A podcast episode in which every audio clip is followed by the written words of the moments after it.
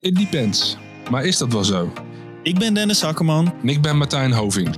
In de SEOcast interviewen we maandelijks een specialist uit de SEO-wereld. Aan de hand van bekende thema's en ontwikkelingen binnen SEO vragen we de specialist om zijn of haar kennis met de wereld te delen. Veel luisterplezier. Onze reis met SEOcast brengt ons vandaag naar het mooie Nijmegen, waar een freelance SEO-specialist zetelt die al sinds 2005 aan de SEO-weg timmert. Ooit begonnen bij One to Market, waar eerdere gasten van de SEOcast ook aan de wieg van hebben gestaan. Eerder opererend bekend onder de naam Moschito en sinds een tijd iCard.com. Welkom Ramon Eikemans.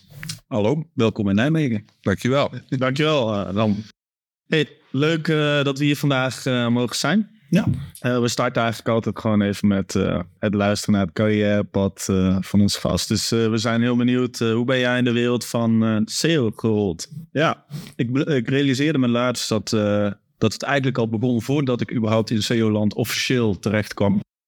Ik heb namelijk geschiedenis gestudeerd en ik deed een onderdeel van geschiedenis wat wetenschapsfilosofie genoemd wordt ook wel. Ik hield me bezig met de manier waarop historici onderzoek doen. En ik hield me destijds bezig met archiefinventarissen en hoe je internettechnieken kon gebruiken om middeleeuws handgeschreven teksten in het Diets, variant van het Duits-Nederlands, hoe je die vindbaar kon maken. En ik dacht van ja, daar kunnen wij internettechnieken voor gebruiken. We moeten een soort tagging systeem maken. Dat een...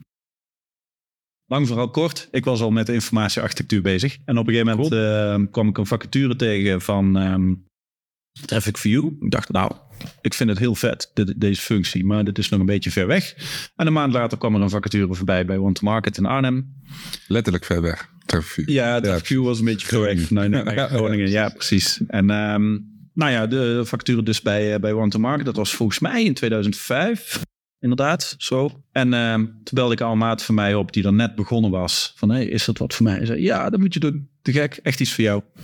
En uh, zo ben ik uh, begonnen. Ik heb daar het vak geleerd van goede mensen. Drieënhalf jaar gezeten. Toen ben ik naar Ilse Media overgestapt. Ik wilde de in-house kant van het vak bekijken. En natuurlijk werken met titels als, als nu.nl, startpagina, kieskeuring en zo. Het is wel, uh, wel tof. Volgens mij hadden zij destijds uh, vijf van de tien top 10 sites in Nederland, zeg maar. Die waren op Ilse Media. Dus daar heb ik toen SEO voor gedaan. Dat een paar jaar gedaan. En toen ben ik op een gegeven moment voor mezelf gaan werken. Uh, dat heb ik heel lang gedaan als freelancer. Maar op een gegeven moment uh, had ik daar niet zoveel zin meer in. Om allerlei redenen. En toen ben ik weer de in-house kant opgegaan. Toen heb ik vier jaar bij Centraal Beheer gewerkt. Centraal Beheer Particulier. En sinds kort toch weer als zelfstandige verder bloed kruipt waar het niet gaan kan. Zo gaat dat. Wat ga je nu in je freelance tijd anders doen dan destijds, zeg maar? Echt een hele diepe vraag. Ja. Ja, en dat vraag je aan filosoof. Krijg je wel een lang antwoord? Nou, ik, ik zal proberen het kort te houden. het heeft vooral met businessmodel te maken. Uren maken muntjes cashen is geen schaalbaar businessmodel. Tenzij je dat echt heel erg goed doet op een bepaalde manier. En die manier, daar had ik geen zin in. Ik heb notabene zelf ook een bureau gehad met een aantal mensen. Uh, in die tijd dat ik voor mezelf werkte. En ik kwam erachter, ja, ik heb hier geen zin in. Projecten managen, mensen managen, weet ik het allemaal. Dat was niet waarvoor ik het deed. Ik ben meer van de, van de inhoud, zeg maar. En ik ben er het liefst 24-7 mee bezig. Maar het is ook heel moeilijk schaalbaar. Mm-hmm. En daar weten jullie al van, dat jullie zijn bureau echt. en, uh, dus het kan, dus jullie weten daar meer van dan ik. Maar ik dacht van ja, het is ook niet mijn sterke put. Iets wat wel uh, schaalbaar is, is uh, SEO geautomatiseerd uitvoeren. Dat deed ik altijd al. Maar op een gegeven moment heb ik de slag gemaakt. Ja, weet je, ik ga automatiseringsproducten maken. En dat is iets heel anders dan SEO-diensten. Iets heel anders dan consultancy. Dus die route volg ik nu. En dat is een ander businessmodel. En hoe ziet dat eruit? Ik heb een aantal producten gemaakt die uh, een deel van het SEO-werk uit handen nemen. Uh, die dus letterlijk SEO-werk doen, maar dan geautomatiseerd. Dat is natuurlijk vooral interessant als je een wat grotere site hebt. Dat geldt voor alle automatiseringen over het algemeen wel. Maar ja, dat verkoop ik via een maandelijkse fee bijvoorbeeld. En is dat een, uh, verkoop je die onder je eigen naam? Of, uh... Nee, dat is een andere naam. Ik heb, uh, ik heb eigenlijk twee dingen die ik doe. ik ben Ramon Eikemans, de SEO-specialist. Ja. Freelance SEO-specialist. Ook heel duidelijk freelancer. Flexibel, kun je inhuren. En dat staat op eikart.com. Slash NL voor de Nederlanders. Ik heb een andere toko. En dat heet Autometa Studio.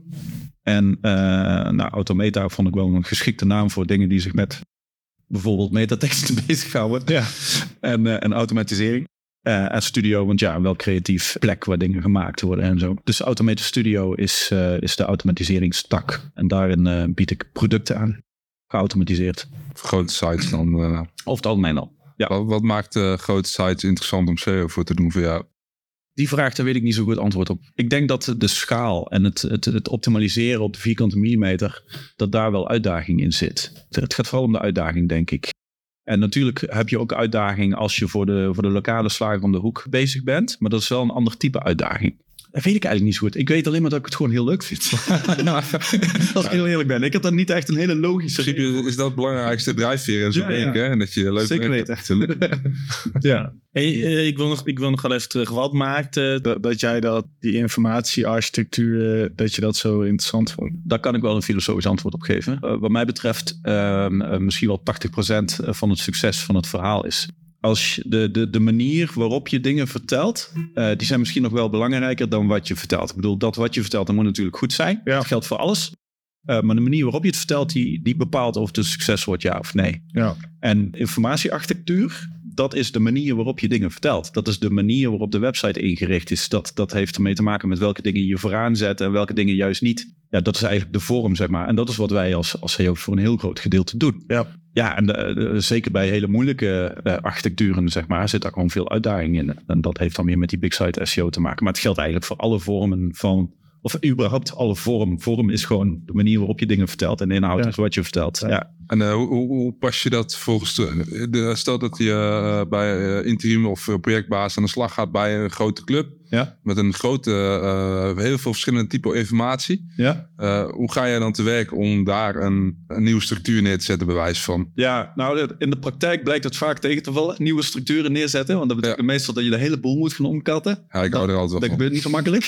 ik bedoel, ik kan me de tijd wel herinneren dat, dat je als SEO-specialist zei... nou, de structuur moet helemaal anders. En dat het dan nog gedaan werd ook. Maar dat is niet meer zo makkelijk. Zeker niet bij, bij gevestigde namen, zeg maar. Dus ja, we, we, hebben dit systeem hebben we nou eenmaal. En je moet met een hele goede business case uh, komen als wij dit helemaal omver willen gooien. En ja, we weten allemaal dat uh, business cases op SEO-gebied, zeker bij zoiets bazaals, zo'n zo, zo, basisstructuur ding als, als je architectuur, zeg maar. Dat is heel moeilijk om uit te drukken en wat dat dan uiteindelijk op gaat leveren. Maar als je bijvoorbeeld met een migratie bezig bent, dat is meestal een uitgelezen kans om dat wel te. Dus meestal lukt dat bij migraties wel goed. Als je dan bij zo'n grote toko uh, komt, dan in principe stap je dan in een rijdende trein. Uh, niet zelden hebben ze ook al van alles gedaan op SEO-gebied. En hoe ik eigenlijk altijd begin gewoon kijken, ja, wat loopt er al en wat kunnen we daarin verbeteren? Meer op basis van ervaring.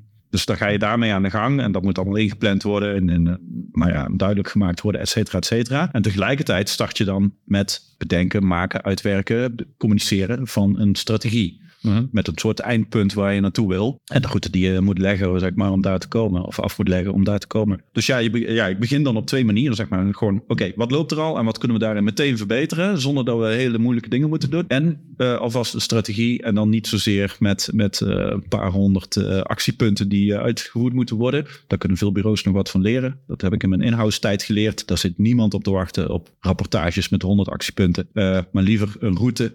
Oké, die kant gaan we op om die en die reden dus waarom? Uh, en dit zijn de eerste stappen die we moeten zetten om daar te komen. En daarna kijken we wel naar de volgende stap. Dat is een wat, wat meer agile uh, methodiek. En, en die automatiseringstraject, hoe vlieg je dat uh, door vandaan? Ja, en ik ben er trouwens ook nog wel benieuwd naar nog een extra vraag. Van ja. Hoe ben je er ooit op, op gekomen om, om zaken te gaan automatiseren? Ja, dan zou die eerst beantwoorden. Ja, um, mooi Hoe ben ik erop gekomen? Het precieze moment kan ik me niet herinneren, maar um, uh, het heeft er wel mee te maken dat, dat, ik, dat ik dingen doe die iedereen doet. Als je met je werk bezig bent, probeer je je werk steeds beter te doen. En uh, probeer je het steeds sneller, steeds mooier, steeds groter en meeslepender uh, te maken. Maar in ieder geval, je wil je werk steeds efficiënter doen en steeds beter doen. Ja, dan ga je online zoeken naar allerlei SEO-tools die bepaalde werkzaamheden voor je uit handen nemen. Nou, dat is één. Het tweede is dat voordat ik begon als SEO-specialist was ik ook de webdeveloper. Dus ik kan zelf wel dingen maken als je het niet kunt vinden,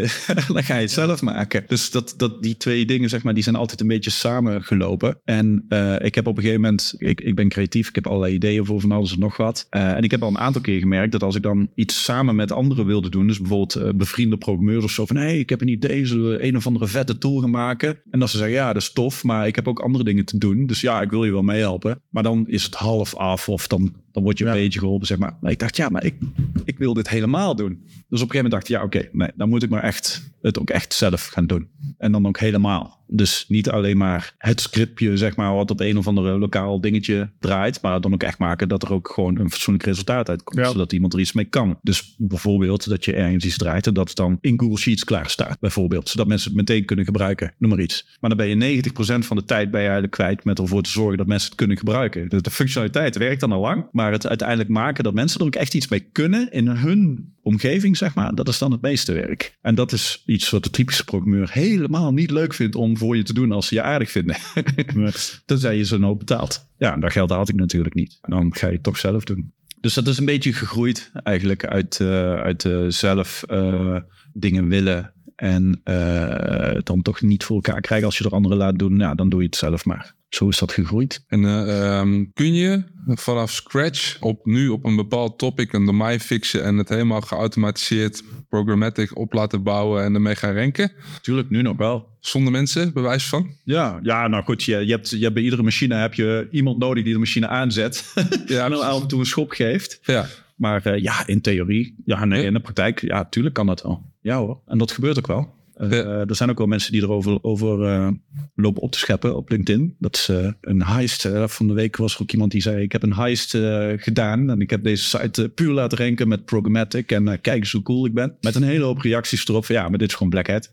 Wat je aan het doen bent. Ja, daar kun je wat van vinden natuurlijk. Maar ja, het kan nog wel. Ja, er is nu nog wel een gold rush gaande op dat gebied. Maar de vraag is hoe lang. op een gegeven moment is het goud op. Nu werkt het nog, maar niet zo heel lang meer. Wanneer, wanneer gaat het niet meer werken? Ja. Wat, wat, wat, als alle antwoorden al gegeven zijn en als er, uh, om, uh, om Chantal te quoten, echt uh, een, een, miljoen recepten voor appeltaart te vinden zijn. ja, welke is dan het beste? Ja, Gordon Ramsay, hè?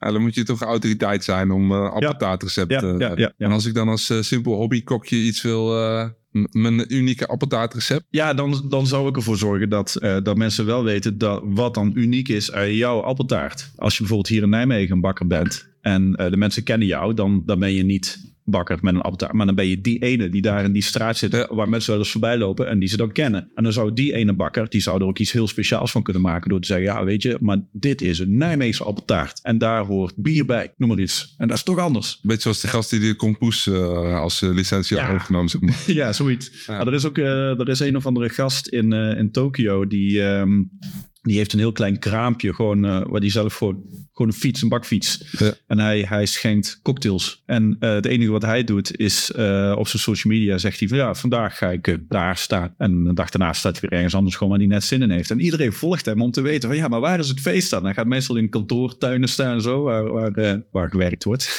nou, dat werkt hartstikke goed. Iets voor niks. Dus het kan wel een beetje creatief zijn. Ja, dan wel. Maar zijn er niet altijd zoveel nieuwe vragen dat er ook altijd wel iets van ruimte blijft voor dit? Vast wel. Okay. Vast wel. Ik denk zelf dat het veel meer, dat het dat Google uiteindelijk gewoon steeds meer gaat negeren, überhaupt niet meer indexeren op het moment dat zij denken dat ze al voldoende kwalitatieve antwoorden op een bepaald, ja, inderdaad wat je zegt van nou als we 100.000 appeltaartrecepten hebben en er komen nog 900.000, kun je die andere 900.000 toevoegen, überhaupt misschien niet eens meer te Nee, waarom zou je? Indexeren. Ik denk dat het gewoon een herhaling is van, van zetten, zeg maar. Google heeft ooit de concurrentieslag gewonnen van andere zoekmachines doordat zij niet alleen maar naar de content Uh, de andere zoekmachines die hadden al duizend recepten van appeltaart, ja. bij dat voorbeeld blijven. Die hadden dat al. Ik kan me de tijd nog herinneren van voor Google, dat je dan inderdaad door al die zoekresultaten ging zitten scrollen, totdat je uiteindelijk diegene had gevonden die jij wilde. En wat Google deed, die hebben het PageRank principe of algoritme ontwikkeld ja. om te kijken, oké, okay, maar welke van deze appeltaarten is nou het meest, wordt het meest geciteerd? En dat is degene die we dan bovenaan zetten. Nou, dat principe geldt eigenlijk nog steeds. Alleen SEO's zeg maar, is, een, is een, een, een hiërarchie van niveaus. Het basisniveau is dat je technisch gezien alles op orde hebt. En het volgende niveau is dat je antwoord geeft op alle vragen die mensen stellen. Dus ben je compleet in, in het informatieaanbod dat je ja. biedt, zeg maar. Nou, als iedereen compleet is in het informatieaanbod, dan begint het volgende niveau van ja, oké, maar welk, welk gedeelte van dit is beter dan de rest. En een niveau daarboven is, ja, vinden anderen dat dan ook beter? Ja, weet je, als, als aan het basisniveau voldaan is, dan ga je naar het volgende niveau. Ja, weet je, als iedereen die antwoorden al geeft, ja, welke geeft dan het beste antwoord? Het draait toch ook gewoon om marketing. Dus als ik een appeltaartrecept heb, wat helemaal niks toevoegt, mm -hmm. uh, maar ik koppel mijn naam eraan, laten we even zeggen Martijn's appeltaart, even uh, iets nieuws. Ja. En ik ga dat een beetje in de markt zetten en dan ontstaat er een zoekvraag Martijn's appeltaart. Uh, zo kun je toch uiteindelijk ja, waarde bieden op. Ja, maar ja, je, je naam op zich is, is dan niet per se uh, het onderscheidende, maar dat wat jij daarmee doet, is het dan wel. Want ik bedoel, als ik gewoon een apparaat zou maken, zou denken, huh, kan die dat überhaupt? Nou, nee. Ja eigenlijk trouwens. Marketing, marketing is gewoon verpakking, zeg maar. Ja. Ik moet dan ineens op je denken aan een bepaalde fabrikant van uh, kogels in de VS. Die hadden dan een nieuwe verpakking bedacht. En namelijk hadden ze een zombie erop getekend. Van ja, deze kogels zijn heel goed tegen de zombies. Ja, het was meteen uitverkocht. Ja, ja. Terwijl de kogels gewoon precies hetzelfde waren. Maar ja, dat is, dan het, dat is dan de vorm. Dat is het verhaaltje dat je vertelt. En dat is wat marketing natuurlijk is. Ja, maar dan is het beste antwoord misschien niet leidend kun je ook marketing in zo'n piramide kwijt. Bij wijze. Absoluut. Ja. Zeker weten. Ja. En in Nederland zijn ze vooral heel goed in, uh, in feitelijke informatie geven. Ja, dit product doet X. Ja. ja, weet je, dat is gewoon hoe site. Dat is geen marketing. En dat werkt op alle nieren. Ja, maar werkt ook voor alle sites. Of je nou een, een, lokale kleine bent of een hele grote. Uh, meestal is het voor grotere zelfs lastiger. Ja. Want die hebben een juridische afdeling die vinden dat je helemaal niks mag zeggen over, over, over heel veel dingen. Dan is het meestal zelfs nog lastiger. Hey, kun je eens vertellen, wat zijn dan allemaal zaken die je automatiseert uh, binnen SEO? Nou, automatiseren moet je doen als je, als je bepaalde werkzaamheden vaker uitvoert. En er is een bepaald omslagpunt vanaf wanneer het interessant is om dat te gaan automatiseren. En dat is in principe dus als je dat heel vaak doet. Nou, welke dingen doe je heel vaak op SEO-gebied? Keyword research, metateksten schrijven, linkjes regelen binnen je site, hè, je navigatie. Dat soort dingen. Gewoon de hele basisdingen, die doe je het vaakst. Als je dat kunt automatiseren en als je dat op zo'n manier kunt doen dat dat uh, zelfs beter werkt dan wanneer je dat handmatig zou doen, ja, dan heb je goud in handen. Ja. Dus ik zou vooral zeggen, de basisdingen die je heel vaak doet, ja. Die vooral. En je kunt natuurlijk wel een of ander automatiseringsding met, ding doen met een hele nieuwe techniek die heel funky is en wat super vet is. Maar ja, als maar vijf mensen en een paardenkop dat gebruiken, dan heb je er geen reet aan. Dus hoor je dat een aantal keer zeggen, is dat dan ook de grootste uitdaging in auto automatisering? Niet zozeer het opzetten van de techniek, maar de adoptie van de mensen die ermee moeten werken? Ja, SEO is voor een heel groot gedeelte nog ambachtelijk handwerk. Uh, wij, wij gebruiken data, we hebben allerlei inzichten, uh, maar het is allemaal handwerk. Dus ja, om dat te automatiseren, dat is nogal een stap. Ja, dat merk ik ook. Ik, ik heb al verschillende keren uh, gesprekken gehad dat ik, dat ik het dan had over bepaalde tooling die ik gemaakt heb. En dat ze dan zeiden van ja, ja, dat is heel geavanceerd. Zover zijn we nog. Zijn ze niet gewoon bang voor een urenfabriek dan? Ah, dat hoeft niet. De rol van, van bureaus verandert volgens mij wel. Dat je niet per se meer een urenfabriek zou moeten zijn, maar dat je meer. Ik bedoel, er zijn steeds mensen die in-house werken en die zelf ook, eh, steeds meer organisaties die zelf ook mensen in dienst hebben die dit werk doen. En dan is de rol van een agency vooral om te ondersteunen en te innoveren en dat soort zaken. Dus daarin zie ik juist plek voor zoiets als dit. Mhm. uh, maar dan ga je meer adviseren. Dan ben je eigenlijk meer degene die zegt: hey, we hebben een machine die zou heel goed in jullie fabriek passen. Uh, en we helpen jullie met eh, te leren hoe deze machine werkt. Dat, is ook, eh, dat is overigens ook meer de doelgroep voor die automatisering die ik maak. Dat zijn ook meer agencies en grote inhoudsclubs. En niet per se de mensen die het allemaal zelf gaan doen. Die als het ware al een fabriek hebben en die gewoon een machine nodig hebben voor in die fabriek, zeg maar. Ja, zij moeten de fabriek ook efficiënter maken natuurlijk. Ja, dus, ja natuurlijk. Ja. ja, dus ik, ik denk dat het, dat het slechts een kwestie van tijd is. Ik bedoel, er zal wel een keer een omslagpunt moeten komen, denk ik, dat ook deze markt gaat automatiseren en professionaliseren ook verder. Ja, ja dat denk ik wel. Hey, en toen uh, kwam november 2022, ChatGTP. Wat heeft dat uh, in jouw uh, werk veranderd? tijdswinst. Deed je daarvoor al veel met AI? Nou, ik gebruik eigenlijk nooit de term AI, maar LLM's. Ja. Want het is geen AI. Nog voor de luisteraar, LLM's. Ja, een large language model. Dus heel geavanceerd en natural language processing techniek. Oftewel rekenen met teksten in feite. Ja. ja, ik, ik gebruik dat al jaren natuurlijk. Ik bedoel, ik ben toch SEO ik hou me toch bezig met, met zoekmachines en met, met tekstinterpretatie en met algoritmes en clusteren en weet ik het allemaal. Dat is dit. Ja, je, je zegt het alsof, alsof het heel vanzelfsprekend is, maar ik denk dat er veel CEO's zijn die, uh, ja, die voor de komst van ChatGPT dat eigenlijk nog niet. Nee, dat klopt. Er is, er is wel. Um, ik was een beetje. Ik, ik bedoel, ik, ik ben geen early adopter. Ik ga niet ergens opspringen omdat het nieuw is. Ik wil nee. eerst kijken, ja, is dit nuttig voor mij? Ja of nee? Het is nuttig. Uh, absoluut. Ik bedoel, uh, ChatGPT kost uh, 20 euro per maand. Koop het, jongens, want het is het waard. Jongens en meisjes, iedereen. het, is, het is je geld gewoon waard. Heel simpel. je kunt het voor van alles en nog wat gebruiken. Superhandig. Maar goed, wat, wat daarmee wel gebeurt is dat heel veel mensen zich nu ineens realiseren. Oh, maar wacht eens even. Automatisering en tekst, dat kan. Dus de geesten worden er wel rijp voor gemaakt. Dus ja, ik ben er eigenlijk wel blij mee. En hoe pas jij dat dan concreet in uh, zaken die je doet? Ja, voor van alles en nog wat. Ik heb, je een mooie casus uh, ja, nou, ik, ons kan delen? Nee, dat niet. Maar ik heb het van de week wel gebruikt om mijn website te vertalen. Dus gewoon copy-paste. Translate this to English. Ja. Want ik had geen zin om zelf die tekst te schrijven. Ja, nou ja, dat, dat scheelt gewoon op tijd. Ik gebruik het veel voor vertalingen, maar ook laatst uh, zei ik uh, tegen ChatGPT van nou, schrijf eens een offerte van dit product voor mij op basis van mijn website. Het was een beetje bloemrijke taal en een beetje Amerikaans overdreven, maar het was best oké. Okay. De setup was prima. Je ja. ik gebruik het ook geregeld voor ego searches. Gewoon om te kijken wat ChatGPT over mezelf, over mij zegt. Om te kijken of de informatie die over mij te vinden is, zeg maar, of zo'n taalmodel snapt ja, wat er staat en of het klopt wat er staat. Ja, ik heb dit ook gedaan hè, als voorbereiding voor deze podcast trouwens. Oh ja, ja, ja. ja. Deel van die intro komt daar ook uit, volgens mij. Ja, ja. Nou, gisteren, gisteren deed ik het ook en toen kwam eruit dat ik de head of SEO van M7 Digital was. Nou, volgens mij niet. dat klopt niet helemaal. Ja, ja die hallucinaties. Dat... Ja, is fantastisch. Maar ja, ik, fantastisch. ik denk dan, ja, maar hoe verzint hij dat?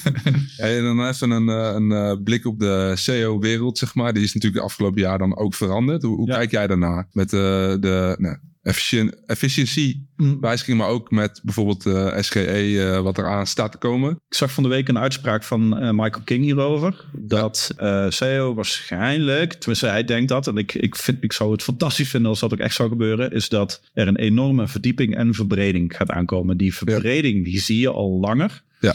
Uh, als je nu naar, ik ben heel lang niet naar conferenties geweest, maar uh, afgelopen jaar was ik dan voor het eerst in 12 jaar, 15 jaar weet ik, überhaupt bij een conferentie. Dat was dan Brighton SEO. Uh, en het viel me op dat er heel veel mensen daar nu rondlopen die bijvoorbeeld niet technisch zijn. Dat was eerst niet zo. Dat is een verbreding. En wellicht tegelijkertijd ook een verdieping. Want de, die talks die ik bijwoonde, die gingen over vertrouwelijk taalgebruik, maar ook over uh, forecasting op datagebied. Was veel breder, uh, maar tegelijkertijd daarmee ook dieper, zeg maar. Ja. Nou, dus de markt heeft zich enorm ontwikkeld. Maar wat je ook ziet, is dat mensen ook naar andere platformen gaan om informatie te zoeken. Ja. En ik denk, en misschien ben ik daarin uh, misschien iets te veel historicus, maar ik zie allemaal parallellen met uh, uh, de middeleeuwen. Toen mensen zich gingen verstoppen in steden achter muren. Dat de, de buitenwereld gevaarlijk was. En ik, ik zie dit nu ook online, zeg maar. Dat is misschien een vergezochte parallel, dat weet ik. Maar dat is het beeld wat ik in mijn kop heb. Dat, uh, dat mensen ook zich terugtrekken achter muren waar het veilig is. En dat ze dan uh, naar een of ander social media kanaal gaan of een community gaan, zeg maar. Waar ze gewoon vrijuit kunnen praten zonder dat spammers tussen zitten. En dat het open web, zeg maar, dat het gewoon één grote reclamefolder is. Ja, een verschrikking, vind ik. Het is eigenlijk gewoon uh, de serie Silicon Valley uh, van HBO. Uh, dit. Heb je gezien? heb ik niet gezien. Maar... die gaan ook op een gegeven moment een ander internet maken. Zeg. Oh ja, nou, het is gewoon, het is gewoon bedoel, ga een gemiddelde winkelstraat, een grote winkelstraat van een gemiddelde Nederlandse stad in. En je ziet allemaal dezelfde winkels. Ja. Ja, de meeste, ja, er zijn veel mensen die daar naartoe zijn, maar er zijn, gaan. Maar er zijn ook veel mensen die liever naar de achterafstraatjes met de boutiques gaan. Uh, ook bij die tweede groep. En dat, ja, volgens mij zie je datzelfde gedrag ook een beetje. Dat mensen denken, ja, weet je, ik ga liever naar een community op Slack of op Discord. Of als het dan over SEO's gaat. Ja. Uh, of op, wat heb je, School. En natuurlijk SEO-brein, niet te vergeten. Waar je gewoon met elkaar kunt overhoren. Uh, zonder uh, allemaal mensen die uh, met ChatGPT gegenereerde antwoorden ja, eronder zetten met alle smileys en uh, weet ik het allemaal. Dit, dit, gaat over SEO's, hè? maar ik bedoel meer. ja, maar je ziet het overal. Zeg maar, je in, ziet het overal. Je ja. ziet het in. Ik bedoel, ik gebruik het nu als voorbeeld. Ja. je ziet heel veel dat mensen zich terugtrekken achter ja, walled gardens. En dat ze daarin ook gaan zoeken. Dus het zoekgedrag verbreedt zich echt enorm. En nou ja, dat, dat maakt ons werk echt een stuk interessanter de komende tijd. Dus het is echt niet meer alleen maar Google. Nee, precies. Hoe kijk jij uh, aan tegen het gebruik van AI in uh, content creatie? Handig. Ik vind het handig. Ja, dus je kunt, uh, je kunt zo'n taalmodel zeggen van... nou, schrijf een bepaalde structuur voor me. Doe een voorzetje. En uh, je kunt er zelf nog wat, uh, wat uh, information gain elementen aan toevoegen. En dan heb je al een voorzetje. En dat scheelt je gewoon tijd. Ja, maar je bent een idioot als je, als je het alleen maar daarop doet en het gewoon live gooit. Ja, ik zal niet zeggen dat je een idioot bent, want nu kan het nog werken. dus je kunt dan ook juist heel erg slim zijn. Maar binnenkort niet meer. Nee. Maar dan helpt het je gewoon. Ja, om efficiënter te werken maar niet effectiever te werken. dat is een verschil. Het wordt er niet per se beter van. Dus dat moet je uiteindelijk altijd zelf nog wel controleren. Ja, absoluut. Hey, uh, aan het begin triggerde je mij nog wel even uh, toen we het hadden over die eerste freelance periode en die tweede. Ja. Want je gaf aan uh, dat het urenmodel was geen schaalbaar model. Ja, voor mij niet in ieder geval. Nee. hoe heb je dat in je huidige werkzaamheden ingericht? twee manieren. Kijk, ik, ik heb natuurlijk die producten gemaakt en die producten verkoop ik. Ja. En Zijn het soort SaaS-producten van ja, het varieert. Maar eh, onder andere SaaS-producten. Ja, Ja. klopt. Maar ook rapportages bijvoorbeeld. En eh, met name die rapportages zijn heel interessant. Dat ten eerste. Maar ten tweede ook, de klussen die ik aanneem, die hebben vaak ook wel voor het automatiseringsstuk. Dus ik heb nu een klus, zeg maar, waarbij ik eigenlijk gewoon de hele tijd aan het programmeren ben. Maar het is wel echt een SEO-klus. Maar ja, dus, eh, ik bedoel, dat is nuttig. Ja. Dus ja, het is ehm, eh, een beetje kiezen welke soort klussen je aanneemt. En, Ja. eh, en dan- dan hopelijk dat ze, dat ze elkaar versterken, zeg maar. ja, dus dat je product er ook in. Ja, ja, ja. Cool. Ja. Hey, en als je naar de toekomst kijkt, wat voor automatiseringsproducten zou je dan graag nog eens willen, willen maken? Ja, wat niet. nou, ik, ik, ik, waar ik de laatste tijd wel heel erg... Ik, ik heb een aantal producten gemaakt die basiswerkzaamheden van SEO doen. En die zijn tof en die zijn gaaf. Eh, maar waar ik eh, met name de laatste tijd mee bezig ben, is dus rapportages. Daar had ik het net over. Ja. Er zijn heel veel analyses die interessant zijn om te delen. En ik denk dat, ja, dat je die ook goed kunt verkopen. En wat voor analyse moet ik dan aan denken? Ja, kant-en-klare, zeg maar, die gewoon antwoord geven op een vraag van iemand. Ja. Dus eh, stel heb nou- je daar een praktisch voorbeeld van? ja, als iemand, stel iemand eh, heeft een domein. Ik heb een webshop, ik verkoop dierenvoeding, noem maar wat. Ja. En ik vul mijn domeinnaam in. En dan eh, dat een tool van mij zegt, oh, je bent die site. Dan zit je dus in die markt. Over die markt gelden, zijn dit je concurrenten? eh, zijn dit de contentvormen? Zijn dit de intenties? Dit is het percentage daarvan. Dit is de waarde daarvan. Nou, dat soort rapportages zijn best leuk om, eh, om te verkopen. En daar ben ik nou mee bezig. Dus daarom kan ik het ook zeggen. Ja, precies. Maar de, de, ik snap de automatisering, maar het kost je één uur om eh, zoiets eh, zelf uit te vogelen. Het komt, eh, kost wel meer, omdat eh, wel meer tijd om dat uit te voeren. Nou, misschien ben ik gewoon, misschien ben ik gewoon heel snel. Dat kan ook, maar... Ja, je bent super efficiënt natuurlijk. ja, ja. Ja, maar ik denk dat, de, de, dat, dat voor veel mensen daar met name tijdswinst zit, maar ook gewoon goede kwaliteit van, van data en een mooie ja, hands-on rapportage met verwijzingen naar handvatten om het eh, uit te voeren, et cetera. Ja, precies. Ja. Hey, en, eh, Nou, dat soort dingetjes, daar, daar ben ik nu mee bezig om die, om die te maken. Dus ja, die wil ik dus verder gaan maken. Ja.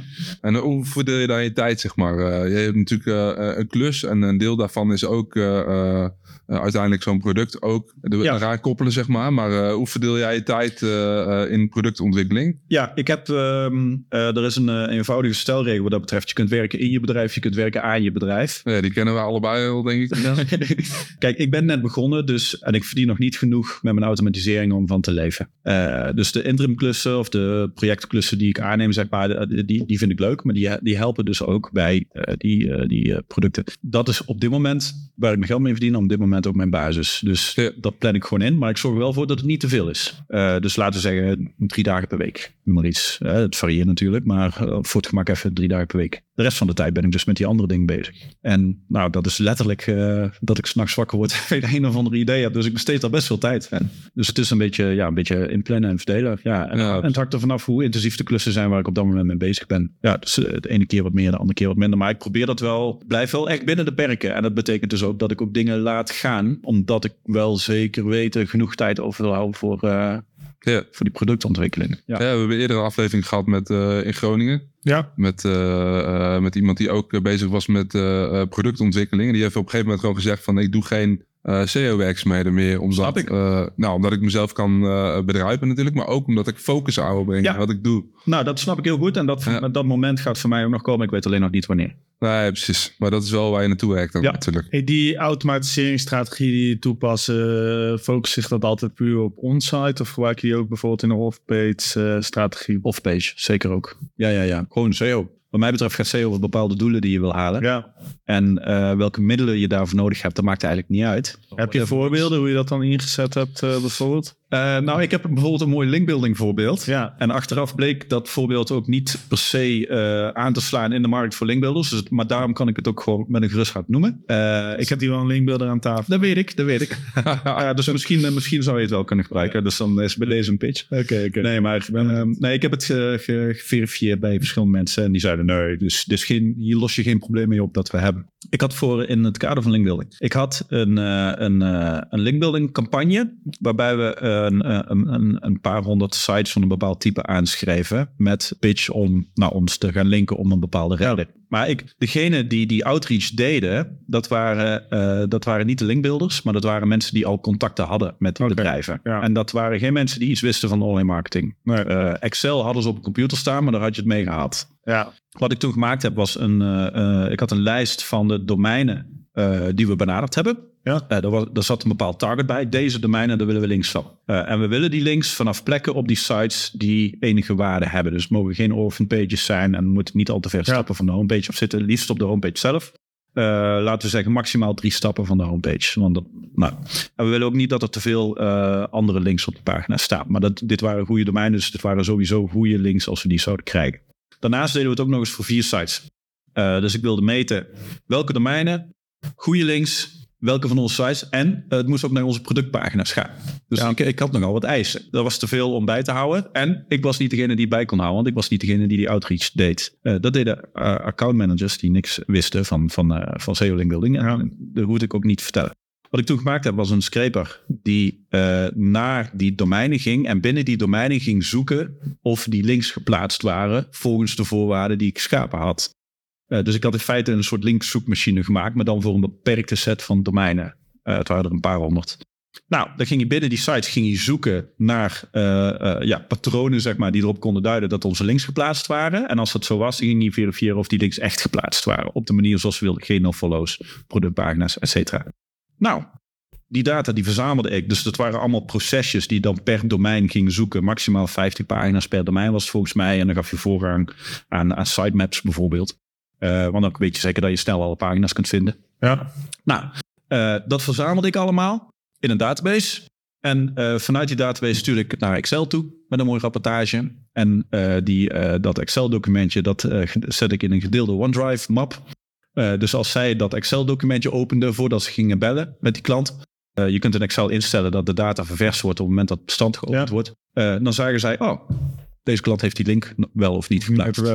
Ja, en dan konden ze dat meenemen in hun gesprek, ja of nee. Nou, dat werkte goed. Want zij hoefden helemaal niks uit te zoeken. Ze konden het gewoon in die Excel opzoeken. Dus ja, ja dat vind ik wel mooi. Wat ja, ik de, vond het ook mooi. Wat was de reden dat uh, de pitch niet aansloeg bij, uh, bij andere... Uh, omdat ze, omdat linkbuilders meestal wel weten welke partijen ze benaderen. En dat ze die links eigenlijk toch wel in de gaten houden. Ja. Dus ja, je kunt dat wel automatiseren. Ja, maar dat is pas echt op. Als je dit echt op schaal doet, dan is het interessant. En als het uh, gedaan wordt door mensen die juist niet met linkbuilding bezig zijn. Dan maar bestaat er wel software die dit al doet trouwens. Uh, oh, oh dus maar. Ja, maar ik, ik had het, is, het is wel een specifieke use case. Het is wel een goed ding inderdaad. Ja, ja. het was voor, voor ons project al heel handig. Het kost ook niet zoveel voor tijd om te maken. Dus. Nee, precies. Daarmee, het lijkt heel ingewikkeld, maar dat viel best mee. Nou, daar moeten we nog een keer over hebben. Er zijn best wel tools die dat, die dat soort dingen, dingen kunnen. Uh, alleen ja, dan ben je toch ook wel weer afhankelijk van, in veel gevallen, van wanneer zo'n tool inderdaad zo'n website script. Uh, ja, ik deed dat één keer per week, maar het is ook ieder. Ja, maar als je dat zelf aan de knoppen zit en zelf kunt bepalen dat je bijvoorbeeld dat op dat moment wil scrapen, ja. dan, dan ben je niet afhankelijk natuurlijk van wanneer je die, uh, ja. zo'n third-party tool. Dus op zich is wel interessant.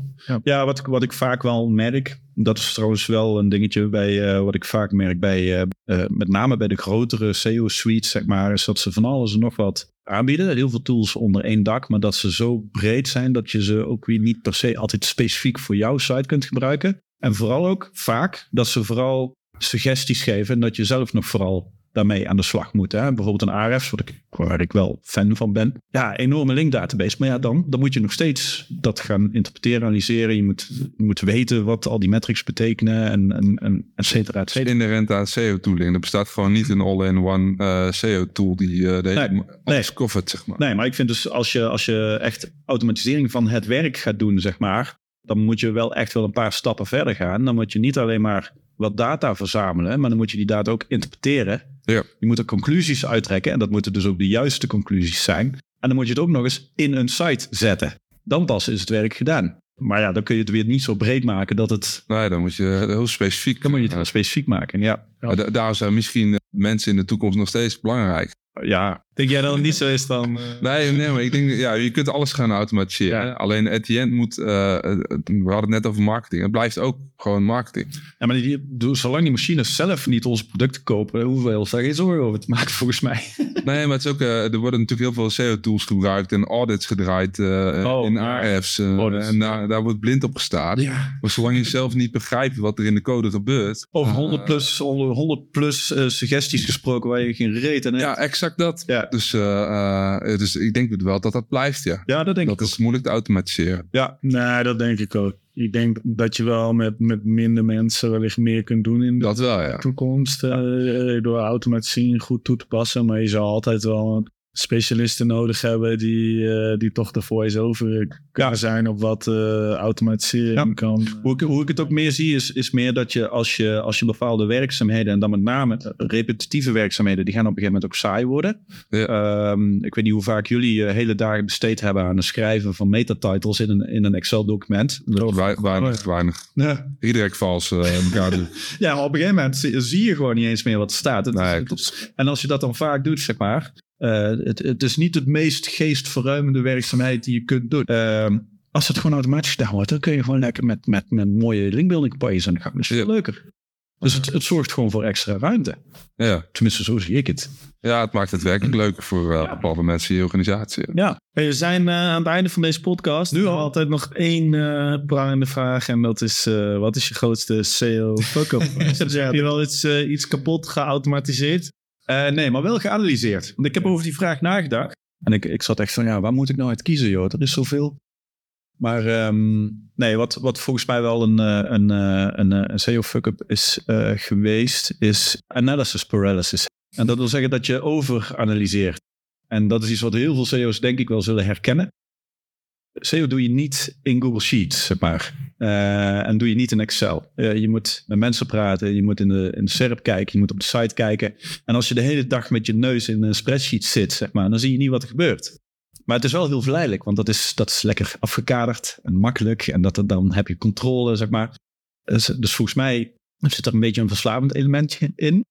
Maar ook uh, een soort veilige ruimte, zeg maar, waarin je naar je data kunt kijken en dan conclusies kunt trekken. Maar dat is niet waar het gebeurt. En analysis paralysis, dat gebeurt vaak bij mensen die, die heel erg van de details zijn. Hè? Analisten, uiteraard. Maar ook bijvoorbeeld, en ik denk dat dat mijn uh, valkuil geweest is destijds, ook mensen die al heel lang uh, ergens mee bezig zijn. En vrij grote stappen zetten. En dus meteen de data induiken en zeggen, ja oké, dit is het advies. Terwijl ze eigenlijk misschien nog niet eens naar de site gekeken hebben of, of met mensen gepraat hebben of zoiets dergelijks. En uh, ik heb dat gehad toen ik volgens mij een jaar of tien in SEO zat. En op een gegeven moment dacht ik, ja, volgens mij weet ik nu wel hoe dit spelletje werkt.